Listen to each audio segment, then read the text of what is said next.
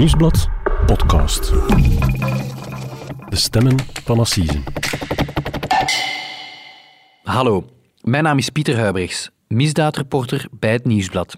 En ik ben Cedric Lagast, journalist bij diezelfde krant. En dit is onze podcast Stemmen van Assise, waarbij we voor elk belangrijk proces in een zaak duiken en u meenemen achter de schermen van de rechtszaal. En vandaag blikken we vooruit naar dag 2 van het proces Bart de Pauw.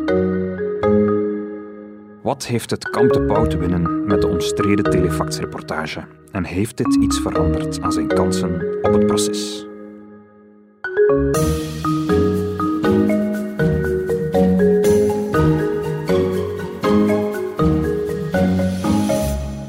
Dag Pieter.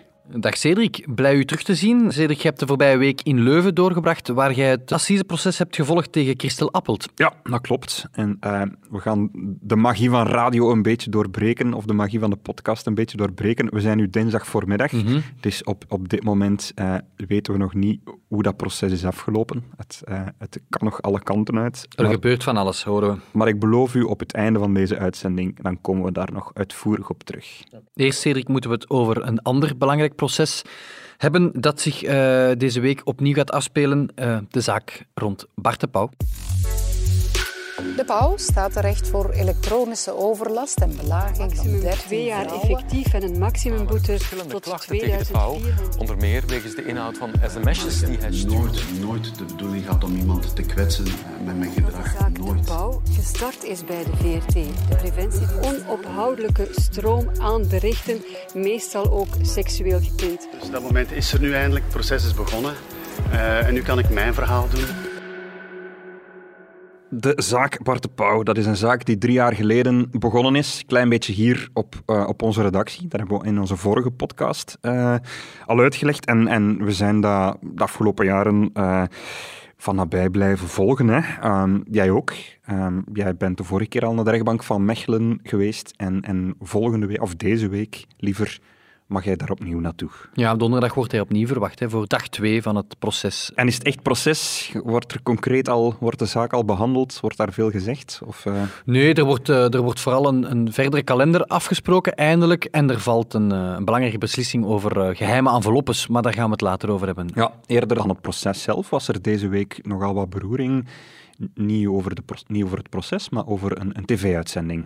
Ja, we hadden eigenlijk tegen elkaar nog gezegd, al lachend, van er gaat niet veel, eh, er gaat niet veel niet meer gebeuren. Al het nieuws in de zaak is weg, maar het is eigenlijk de hele week eh, alleen maar over Bart de Pauw gegaan. Ehm, ja, en dat had uiteraard alles te maken met een zeer omstreden eh, reportage van Telefax. Ja. Ik heb het gisteravond nog eens bekeken en, en er is een hele grote rol weggelegd voor zijn vrouw eigenlijk. Bart de Pauw zien we niet. Bart de Pauw komt niet in beeld. Allee, komt wel in beeld in archiefbeelden, maar komt niet aan het woord. Het is zijn vrouw eigenlijk die doorheen heel de uitzending wordt geïnterviewd. Ja, dat, is, dat, dat was wel straffe tv natuurlijk. Hè. Ehm, me- mevrouw de Pauw, Ines de Vos, hè, de zaakvoerster van Koeketroef. Heel opvallend, ze schaarde zich volop achter haar man.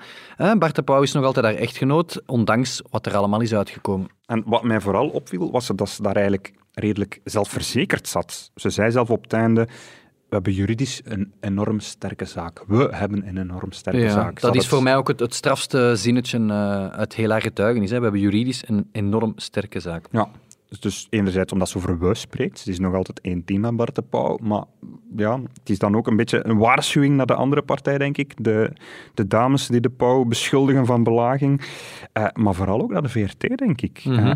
Want als ik het goed begrepen heb, het kamp de Pauw, die eisen nu 12 miljoen euro van de VRT.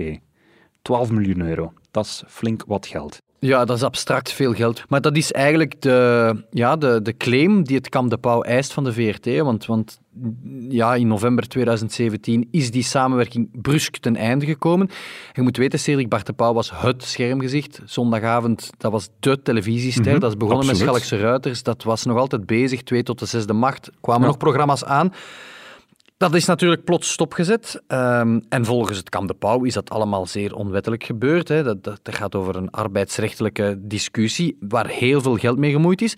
En wat is er dan gebeurd? Ze hebben eerst een, een ingebreken stelling gestuurd naar de VRT. Die hebben natuurlijk niet meteen 12 miljoen euro eh, doorgestort op zijn rekening. Er is eigenlijk niets uit voortgekomen. En, en ja, vorige week de dag voor de start van het eerste strafproces is, er een, eh, is er een dagvaarding gekomen en krijgen we dus een tweede proces eigenlijk.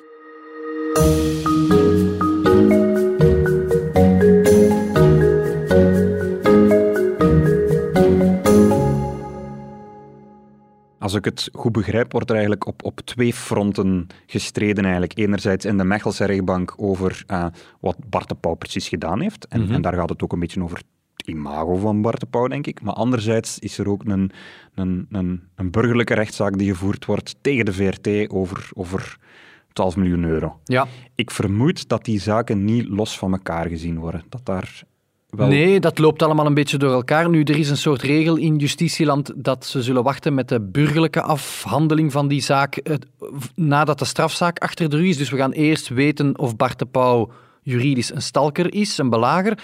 En pas dan zal Bart de Pauw eigenlijk ten strijde trekken tegen de VRT. zal er gesproken worden over die 12 miljoen euro. Dus ik vermoed dat het wel belangrijk is voor Bart de Pauw om op dat eerste proces er goed uit te komen. Ja, dat klopt. De Pauw wil daar vooral eer herstellen door die vrouwen eigenlijk in discrediet te brengen. Die perceptiestrijd eh woedt volop.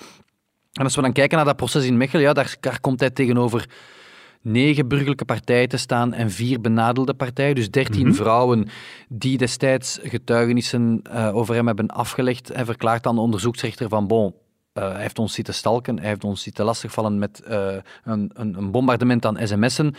Er is toen geoordeeld dat er in die dertien gevallen volgens het gerecht toch sprake is van een misdrijf. En dus komt Bart de Pauw in de rechtbank tegenover die dertien vrouwen te staan.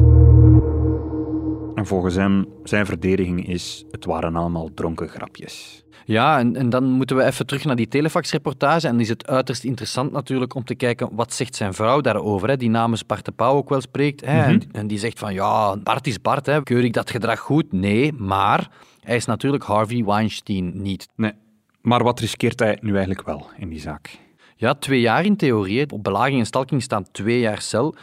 Maar veel belangrijker dan of hij nu drie maanden met uitstel, vrijspraak, zes maanden voorwaardelijk gaat krijgen, denk ik toch, is, is die perceptiestrijd winnen. Hè. Ehm, heeft hij nu iets verkeerd gedaan of niet? De kans dat Bart de Pauw naar de cel zal moeten, lijkt mij quasi ondenkbaar. Ehm, maar niet vergeten dus, hè, we hadden het daar net al over, dat strafproces in Mechelen is maar een eerste belangrijk opstapje naar het echte plan, met name de VRT financieel op de knieën krijgen. En een enveloppe met 12 miljoen euro krijgen. Ja, dat is het tweede front waarover dat je het al had. Hè. De Pauw versus de VRT. Nu, deze week zagen we een, een eerste glimp van die strategie. Wat hebben we daaruit geleerd, Pieter? Wel, ze willen vooral aantonen eh, dat hij op ongegronde basis aan de deur is gezet. Dat de VRT destijds die vrouwen hè, te snel op hun woord heeft geloofd. Maar dat ze eigenlijk op dat ogenblik zelf weinig in handen hadden om die samenwerking echt stop te zetten, om dat contract te verbreken. En in dat opzet is er wel een heel opmerkelijk eh, en heel listig zinnetje, Cedric, verspreid door het kamp de Pauw. We hebben zelfs geen sms'en. Zou er daar intern gezegd zijn. Dat is vervelend. En wat zegt de VRT daarop? Wel, Bob Vermeer, dat is de woordvoerder van de VRT, die is daar not amused over en die heeft daar al menige krantenredactie over gebeld. Hij zegt, er is er een cruciale S geplaatst. We hebben zelfs geen sms'en, moet zijn, we hebben zelf geen sms'en op dat ogenblik. Eén letter verschil. Ja, maar een hemelsbreed verschil. Eh, het is al een paar keer fout verschenen en het, het, het, het- ja, het zorgt voor een, een, een ja, gekleurde perceptie. Wat me gisteravond ook opviel bij die telefax-reportage. ehm, daar zaten opnames in van vertrouwelijke gesprekken tussen Bart de Pauw en een aantal mensen van de VRT. Mag dat zomaar? Mag je die zomaar uitzenden? Nee, eh, het was denk ik ook niet geweten dat die vertrouwelijke gesprekken opgenomen waren. Ehm, dat kunnen we wel zeggen dat het kamp De Pauw heeft die, heeft die opgenomen en heeft die tape gelekt aan Telefax. En die hebben daar groot mee uitgepakt vorige week. Ehm, ja, bij de VRT zijn, ik zei daarnet not amused, maar ze zijn, nou ja, daar zijn daar zeer boos over. En ze zijn zelfs gechoqueerd dat Bart A die gesprekken heeft opgenomen, hè, die hebben geleid tot zijn ontslag, of waarin meegedeeld werd dat hij ontslagen ging worden. En dat hij dat ook gewoon verspreidt. En dan nog aan VTM, een concurrent van VRT in Medialand. En waarover is de VRT het meest nerveus? Dat ze die 12 miljoen euro zullen moeten ophoesten? Of dat zal blijken dat ze publiekslieveling Bart de Pauw op een niet correcte wijze aan de deur hebben gezet? Wel, als ik, als ik die, diezelfde woordvoerder Bob Vermeer goed eh, begrijp, dan ja, dan staan ze heel recht in hun schoenen volgens hen om dat contract met Bart de Pauw destijds op te zeggen. Er waren meldingen, er waren concrete getuigenissen. Voor hen was het voldoende om op arbeidsrechtelijk vlak te zeggen... Uh, programmamaker, hier stopt het. Er zijn dingen gebeurd die volgens onze deontologische code absoluut niet door de beugel kunnen. Uiteraard zei hij mij ook van, ja, een schadeclaim van 12 miljoen euro, ja, vrolijk word je daar als VRT uiteraard niet van. Dat hangt wel als een soort van zwaard van Damocles boven je hoofd. Dus totdat die zaak definitief uitgeklaard is, is er wel een zekere onrust aan de herslaan daarover.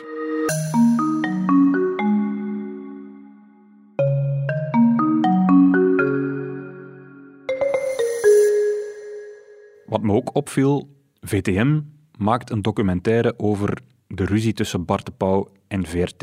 Ik denk tot een paar jaar geleden was dat not done. Als, als mediabedrijf schreef je niet over de vuile was van een ander mediabedrijf. Daar waren afspraken over. Dat was ondenkbaar, maar herinner u toen destijds als de heisa losbarstte, als Bart de Pauw zijn filmpje lanceerde, zat Bart de Pauw de dag nadien niet in de VRT-studio, maar in de VTM-studio. Ehm, maar ja, het is, het is moeilijk om daar echt grote uitspraken over te doen. Maar we kunnen wel, denk ik, voorzichtig stellen dat het Kam de Pauw uh, iets wat nauwe banden heeft met DPG. Ik heb me laten vertellen ook dat Koekentroef nu een contract heeft met VTM en dat Koekentroef na 30 jaar voor VRT-programma's te hebben gemaakt, dat ze dat binnenkort nu programma's voor VTM gaan maken. Ja, we moeten misschien nog even duiden. Hè. DPG, dat is de persgroep hè, waar, waartoe VTM, maar ook kranten als Laatste Nieuws en De Morgen behoren. En inderdaad, dat is ook uh, bekend geraakt, dat dus de Pauw, of enfin, gaat dus in zee voor een spelprogramma met VTM. Het is in ieder geval opvallend dat uh, het Kam de Pauw, zo lijkt het toch... Uh, er eerder voor gekozen heeft om zijn communicatiestrategie via DPG de wereld in te sturen. Hoezo, Pieter? Hoe, hoe, hoe zie je dat? Wel, in die uitzending zaten vertrouwelijke uh, fragmenten, uh, passages, sms-verkeer uit het strafdossier. En dat kan alleen via Bart de Pauw gekomen zijn? Wel, de betrokken vrouwen hebben niet deelgenomen aan de bewuste uitzending, dus dat moet uit dat kamp komen. Ook de gelekte tape, die, dus de opname die Bart de Pauw of zijn advocaat had gemaakt, was in die telefaxreportage te horen, dus dat kan enkel ook vandaar komen. Um, al die vertrouwelijke, nog opvallend trouwens, er waren een hele hoop vertrouwelijke mails tussen de VRT-top en de preventieadviseurs en dergelijke. Die zaten ook in de uitzending en dat is ook niet gelekt door de VRT aan grote concurrent VTM.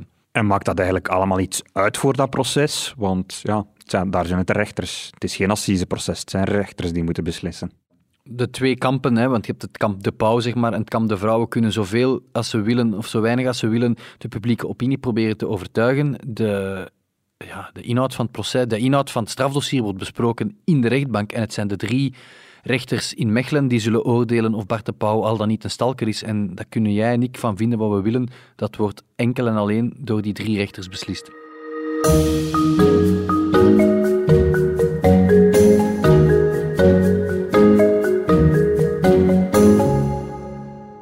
Pieter, laten we even terugkeren naar de kern van de zaak, zeg maar. Waarmee alles begonnen is. Die klachten van die dertien vrouwen over ongewenst gedrag. Op dat vlak stond er dit weekend nog een opvallende getuigenis in onze krant. Als ik mijn gsm's morgens aanzette, liepen er weer tien berichten van hem binnen. Hij verstopte ook tal van roze post-its rond mijn bureau met hartjes en liefdesverklaringen. En op een bepaald moment stuurde hij mij dat hij s'nachts naar mijn kamer zou komen. Ik voelde mij toen niet veilig en ben dat op hetzelfde moment nog aan een goede collega gaan vertellen. De volgende ochtend kwam uit dat er nog andere meisjes op de set, onder wie ook stagiaires, gelijkaardige berichten hadden gekregen. Dus ja, dat hij zogezegd smoor verliefd was op mij, dat kon ik van tafel vegen. Wat we net hoorden was een passage uit een interview uh, uit onze weekendkrant. Een interview door uh, Mark Lifman en jijzelf, Pieter. Uh, voor alle duidelijkheid, het is gesproken door een stemactrice, niet door de betrokken vrouw zelf. Ehm, vertel eens, die vrouw zelf, wie was die precies, Pieter? Wel, haar naam ga ik hier uiteraard niet onthullen. Maar het is een van de dertien vrouwen die ehm, doorheen het strafonderzoek um, belastende getuigenissen over Bart de Pauw hebben afgelegd en, en getuigen over ja, het bombardement aan sms'en dat ze van hem kregen dag en nacht. En zij is een van die dertien, uh, maar zij is een van de vier benadelde partijen. Zij stelt zich geen burgerlijke partij. Dus dat wil zeggen, zij wil in de anonimiteit blijven en zij wil eigenlijk op het proces niet echt in de picture lopen. Maar ze voelt zich wel slachtoffer. En, en zelf, die dames die zich wel burgerlijke partij hebben gesteld, die zijn altijd heel discreet gebleven. Wa- waarom is, is, is deze vrouw dan, dan toch naar voren gekomen, zeg maar? Waarom, waarom wou ze toch haar verhaal vertellen? Wel, dat is wel een soort sneeuwbaleffect geweest. Die vrouw heeft natuurlijk ook alles gelezen en gehoord wat er de voorbije dagen in de media rond die zaak is losgebarsten. En het is eigenlijk vooral het interview met Ines de Vos, dus mevrouw de Pauw, die, ja, die daar bepaalde uitspraken deed over de vrouwen. Hè. En, en, ze zegt ja, dat het haar en de andere vrouwen vooral kwetst, hè, omdat hij niet inziet wat hij verkeerd deed. En ze wil een soort tegenstem bieden eigenlijk in een, in een maatschappelijk debat. Ehm, en ja, ze wil daarmee eigenlijk aantonen met haar getuigenis dat het allemaal niet zo onschuldig was als het Kam de Pauw schetst. De manier waarop Bart en zijn vrouw omgaan met dit proces is triestig en teleurstellend. Het constant blijven minimaliseren en zichzelf heel hard als een slachtoffer opstellen is voor mij de reden om ook mijn verhaal te doen. Ik vind dat mijn morele plicht, omdat het frustrerend is te zien hoe Bart zijn schuld blijft ontkennen, terwijl ik zeker weet dat hij effectief wist dat hij grenzen heeft overschreden, zeker in mijn geval. Waarom zeker in haar geval, Pieter? Wel ja, om, om haar verhaal te begrijpen, moeten we 13 jaar terug in de tijd moeten we naar de opnames van de succesvolle film Loft. Hè. Iedereen heeft die wel gezien in de bioscoop. Een film van uh, Erik van Looy, hè. ook rond overspel en dergelijke. Um, die terzijde. En, en zij was eigenlijk toen een jonge stagiaire. Hè. Uh, er is vooraan in de twintig en zij werkte mee achter de schermen. En wat deed Bart de Pauw daar? Bart de Pauw heeft het scenario voor, uh, voor Loft geschreven. Hè. En, en ja, was dus uiteraard regelmatig op de set. En ja, zij werkte eigenlijk met de Pauw mee aan dat scenario. En in het begin uh, was dat natuurlijk heel tof. Hè. De grote Bart de Pauw, hè, die Schalkse, de populaire Schalkse ruiter, uh, die met haar samenwerkten. En, en ze zegt dat ook in dat interview. Ja, Bart de Pauw was, was mijn, mijn jeugdidool. Ik vond dat fantastisch om met hem samen te werken. Maar... Uiteraard, maar uh, al vrij snel begon, begon de Pauw haar berichtjes te sturen hè, tijdens al die draaidagen. Hè, genre, ah, je ziet er goed uit, uh, ik zou eigenlijk alleen willen zijn met u. En dag na dag uh, getuigd ze, ging dat, ging dat verder en, en werden die onschuldige, speelse, grappige berichten, werden dat echte, heuse liefdesverklaringen. En dan zei hij, ja, ik ben smoorverliefd op u en ik denk eraan om mijn gezin voor u te verlaten. En zij, zij vertelt dat ze tot 30 berichten per dag kreeg, dat hij overal roze post-its uh, ging plakken. Ze kreeg bijvoorbeeld, dat vond ik ook opvallend in het, in het gesprek, een, een cd'tje met liefdesliedjes. Ah, ik heb dat nog gehoord. Ja, dat deed hij ook bij, bij een andere actrice. Um, en, en ook, verklaart ze, was hij heel jaloers en bezitterig als, als bleek dat zij op de set met andere mannen praten. En hij, zijn stelling was, verklaart ze, je mocht enkel met mijn grappen lachen. Um, ja. Maar zij zei van, ja, ik, ik, ik was niet verliefd op hem. Hij was mijn jeugdidool aanvankelijk, maar ik was helemaal niet verliefd op hem. En, en ik heb die liefde eigenlijk nooit, nooit beantwoord. En hoe lang heeft die situatie geduurd? Maandenlang, uh, volgens haar. Tot er dan eigenlijk na maanden echt een breekmoment was en, en voor haar de maat vol was. En dan is ze stappen beginnen ondernemen. Toen hij uiteindelijk onaangekondigd met sushi voor mijn deur stond, was voor mij de maat vol. Toen zei ik, dit moet stoppen. Zijn gedrag werd veel te verstikkend. Ik liet hem dus niet binnen en vroeg dat hij wegging. Maar toen is hij boos geworden. De volgende dag hadden we een belangrijke draaidag, maar hij daagde niet op. Niemand kon hem bereiken, terwijl hij mij wel boze berichtjes stuurde dat ik hem gekwetst had. Hij bracht me daarmee in een heel moeilijk parket. Die berichtjes heb ik laten lezen bij Woestijnvis. Dat was mijn redding. Ik heb daar toen met Wouter van den Houten over gesproken. Zij hebben dat opgepikt en zijn een gesprek met Bart aangegaan. Dat laatste is eigenlijk wel interessant. Dat wil dus zeggen eigenlijk, Pieter, dat uh, Bart de Pauw 13 jaar geleden ook al door een werkgever op de vingers is getikt. Ja, een decennium voor de breuk met de VRT is hij dus al op het matje geroepen door, door woestijnvisbaas destijds, uh, Wouter van den Houten. Wij waren uiteraard niet bij dat gesprek. We weten niet precies wat daar gezegd is. Maar het toont wel aan dat het niet allemaal bagatels waren. Hè. En heeft Bart de Pauw eigenlijk gereageerd op jullie artikel? Heeft hij daar zelf iets op laten weten? Ja, we hebben daar lang over gediscussieerd op de redactie. Want ja, natuurlijk, je zit met een anonieme uh, belastende getuigenis in de krant. Uh, ja, journalistiek wederwoord is heilig natuurlijk. Wij kiezen voor alle duidelijkheid geen kamp in die zaak. En we hebben dan ja, beslist van, kijk, we gaan gewoon het hele integrale stuk de hele getuigenis aan Bart de Pauw voorleggen. Dan kan hij daar rustig op reageren. Uiteraard wist hij waar, om wie het gaat. Hè. Uiteraard, ja, het staat in het strafdossier. Hij heeft ermee zitten sms'en. Ja. En hij heeft eigenlijk uh, ja, rustig gereageerd van, ja, kijk, het zal wel om persoon X gaan. Uh, hij benoemde ze wel, maar wij dus niet. En ja, we zullen het wel zien in de rechtbank. Ehm, ja, ik, ik betwist bepaalde dingen die zij heeft uh, verklaard in jullie krant, maar we zullen dat houden voor de rechtbank.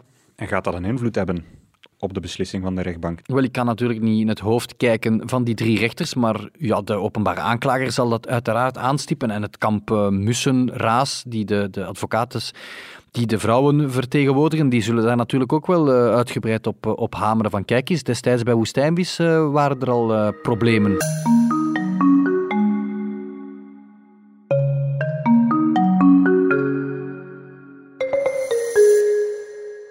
Dus die stagiaire ja, functioneert dan een beetje als, als spreekbuis, zal ik maar zeggen, voor die, voor die 13 vrouwen. Maar er is eigenlijk nog reactie geweest um, de laatste dagen. Ja, ja, ja, vooral als we naar die telefaxreportage kijken, uh, was vooral denk ik, Lise Verijn heel, heel boos. Hè. Um, en hoe weten we dat? In, in die reportage komen een aantal sms'en van haar naar voren. Niet allemaal, een beperkt aantal.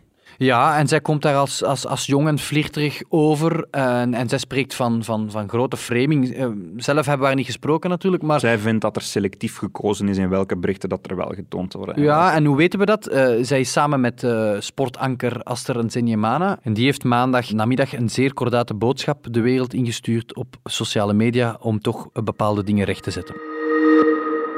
Het meest kwalijke aan die telefax-uitzending is dat ze de sms'en van Lise zwaar geframed hebben. Ze hebben moedwillig belangrijke, bezwarende en intimiderende delen weggelaten en het laten lijken alsof Lise gretig meedeed met die seksuele toon van Bart de Pauw. Het integrale gesprek dat in het dossier zit, toont echter een heel ander beeld. Ik maak me vooral zorgen over welke boodschap dit uitstuurt naar toekomstige slachtoffers. Ze tonen dat men terecht schrik moet hebben om met een verhaal naar buiten te komen. En dat een karrevracht aan haatberichten en dreigmails hun deel zal zijn. Dat was er nog een ander tv-moment, Pieter. De Ensors. Maaike Kafmeijer. Ja, Ensors zijn de filmprijzen van Vlaanderen. En uh, een van de prijzen was voor Maaike Kafmeijer natuurlijk. Hè. Normaal een zeer heugelijk moment. En ze zal ergens ook wel blij geweest zijn met die prijs. Maar je zag dat ze stond te trillen op haar benen. Ze was duidelijk zeer emotioneel. En ze zei dat ook zonder over de zaak Bart de Pauw zelf te praten. Maar ze alludeerde er natuurlijk Iedereen keek naar Ma Maaike Kafmeijer en dacht natuurlijk ook aan, aan wat er allemaal meespeelde. Aan de zaak de Pauw, waarvoor dat ze de afgelopen weken constant in het nieuws is geweest, natuurlijk. Ja, laat ons eens luisteren uh, wat, wat ze verkondigde in haar overwinningsspeech. Um, uh, ja, ik win deze answer op een uh, pff, ja, bijzonder woelig moment in mijn leven. Dat, dat, is nog een understatement. En gisteren ehm, vroeg mijn dochtertje aan mij, Bessie, die is negen, die zei... Mama, may the force be with you. wat wil dat eigenlijk zeggen? Ik zeg, ja, weet je wat? En vervolgens mocht je dat eigenlijk elke dag tegen je moeder zeggen, dat de, uh, mogen de kracht bij mij zijn. En ze zegt, ja, ja, hij zei toch kracht, je hebt nog maar juist heel de vloer uitgebroken bij ons thuis. Ik zeg, wat is iets anders? Het is de kracht van binnen, de kracht dat ons verbindt. Maar Bes, jij bent mijn kracht. Marta, jij bent mijn kracht. Frans, jij bent mijn kracht. Um, dat is voor jullie, omdat jullie zo goed en lief voor me zijn. Dank u. Dus ja, dat was, dat was Maaike Kafmeijer, Cedric, hè, duidelijk geëmotioneerd. En, en voor haar is dit een zeer ambetante situatie. Hij zit in een, in, een, in moeilijk parket, want je voelt, ja, ze is destijds met Geslachte Pauw, hè, waarin ze de vrouw van Bart de Pauw speelden, ja, groot geworden in tv-land. Er zijn dan ook verhalen dat ze destijds, dat ze destijds een, een, een affaire hadden. Dat is natuurlijk lang geleden, 13 jaar geleden, maar Maaike Kafmeijer ligt gewild, ongewild, dat laat ik in het midden ook wel aan de basis van heel die heisa, want het is haar getuigenis. Zij is als eerste... Zij naar... zag Ella June wenen en is gezegd van hier moeten we mee verder. Ja, misschien moeten we dat verhaal nog eens even kort aanhalen. We hebben dat stuk onlangs geschreven. Op een bepaald moment zijn er opnames en zij zit in een loge, zij ziet Ella June Horar uh, wenen. Zij praat met haar, want die twee kennen elkaar goed. Mm -hmm. Ella June doet haar verhaal van ik word gestalkt door Bart de Pauw en, en dag en nacht en ik, ik weet geen uitweg, ik, ik, word, ik word zot, ik weet niet wat gedaan. En Maaike Kafmaier herkent uh, een bepaald patroon en, en zegt van kijk, oké, okay, uh, ik ga dit melden. Het is mijn taak hier om dat te melden, want ik, ja. ik zie parallellen met het verleden. En zij stapt naar de provincieadviseur van de VRT.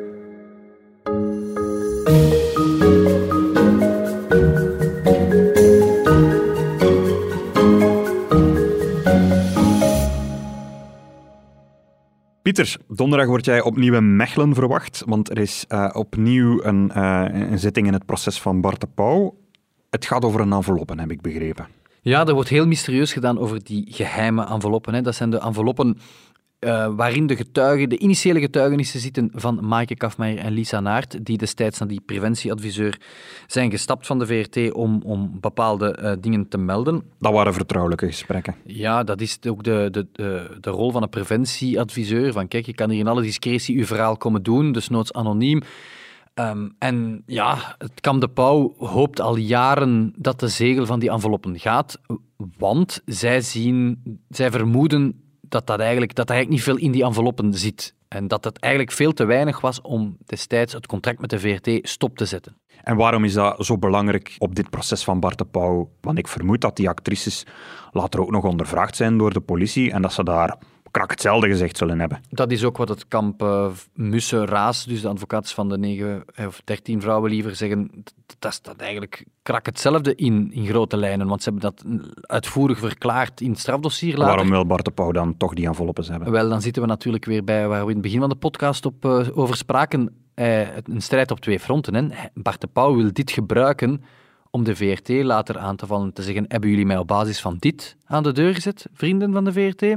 Dat gaat je 12 miljoen euro kosten. Voilà. En waarom dat die enveloppen uh, al jaren dicht zijn, het is ook een soort principeskwestie, hè, vol, principeskwestie volgens die advocaten. Want ja, als ik gepest word op het werk of gestalkt word of dergelijke, of vernederd door mijn baas en ik wil daar anoniem in alle discretie over getuigen, ja, dan wil ik niet dat dat uh, jaren later op de straatstenen komt. Ehm, dan laat ons eens luisteren, Cedric, naar, naar hoe Christine Mussen, de advocaat van de vrouwen, dat op de eerste procesdag verwoordde. De waarheid, dat is het minste van ons probleem, maar het is wel zo dat het ontzegelen zou betekenen dat de functie van uh, preventieadviseur, uh, dat die wordt uitgehold. En in die zin het beroepsgeheim in het kader van die uh, functie is enorm belangrijk. Dus wij stellen dat het niet nodig is voor waarheidsvinding, maar goed, de rechtbank zal erover oordelen. Oké, okay. bedankt. Dus ja, het is een principeskwestie, maar belangrijk om te zeggen, uh, intussen hebben de vrouwen wel beslist om om, om, om op dat vlak van hun standpunt te wijzigen en te zeggen, kijk, als hij echt per se wil weten wat er in die enveloppen zit, kaarten op tafel, we hebben niets te verbergen, we willen vooral geen vertraging. Dus dat wil zeggen dat donderdag op die zitting beslist zal worden dat de enveloppen naar Bart de Pauw gaat? Uh, die kans lijkt groot, maar wat die drie rechters gaan beslissen daarover, dat weet niemand. Die kunnen nog altijd beslissen dat er een deontologisch probleem is. Dat, dat vertrouwelijke gesprekken niet zomaar mogen uh, over, openbaar gemaakt worden. Ja, want het heeft natuurlijk wel een grote precedentswaarde. Want er zijn ongetwijfeld in andere bedrijven ook vrouwen die slachtoffer zijn van grensoverschrijdend gedrag en die daar misschien over getuigd hebben. Ja, als vanaf nu alles uh, uit de anonimiteit komt, ja, dat heeft wel gevolgen misschien in latere rechtszaken. Dus het is, het is symbolisch, maar het is wel ergens ook belangrijk. En gaat er nog iets anders beslist worden donderdag? Ik denk dat ze daarnaast de agenda's naast elkaar leggen en zeggen conclusietermijnen tegen die datum. En dat zal ook het moment zijn, Cedric, dat die vrouwen effectief komen getuigen en voor het eerst aan het woord zullen komen. En het proces echt van start gaat. Inderdaad.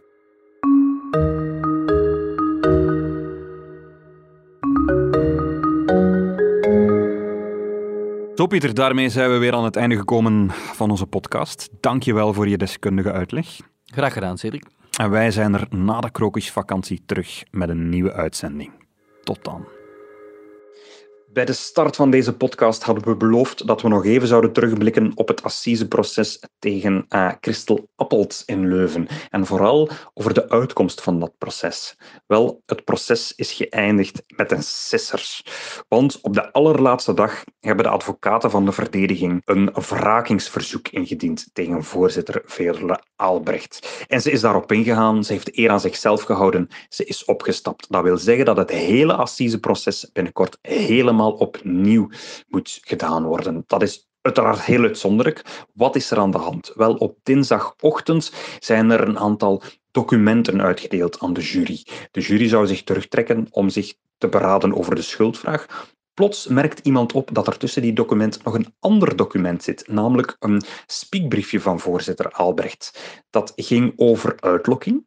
Twee dagen eerder, of een dag eerder liever, hadden de advocaten gepleit dat de moord was uitgelokt door het slachtoffer. En Albrecht had een aantal zaken genoteerd over uitlokking. Dat bleek niet helemaal neutraal genoteerd te zijn. Namelijk dat vooral de visie van het Openbaar Ministerie gevolgd, van het parket. En de advocaten hadden dat gezien en ze vonden dat dat een beïnvloeding was van de jury. Nu, dus het proces moet helemaal opnieuw gedaan worden. Er moeten opnieuw 12 juryleden gelood worden.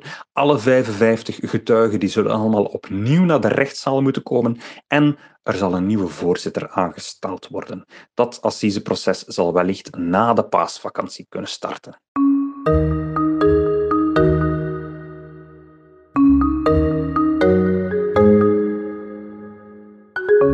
Dit was Stemmen van Assise, een podcast van het Nieuwsblad. De presentatie was in handen van Cedric Lagast en mezelf, Pieter Huibrechts. De audioproductie gebeurde door Xavier de Klerk van House of Media. De productie werd in goede banen geleid door Bert Heijvaart en Eva Migon.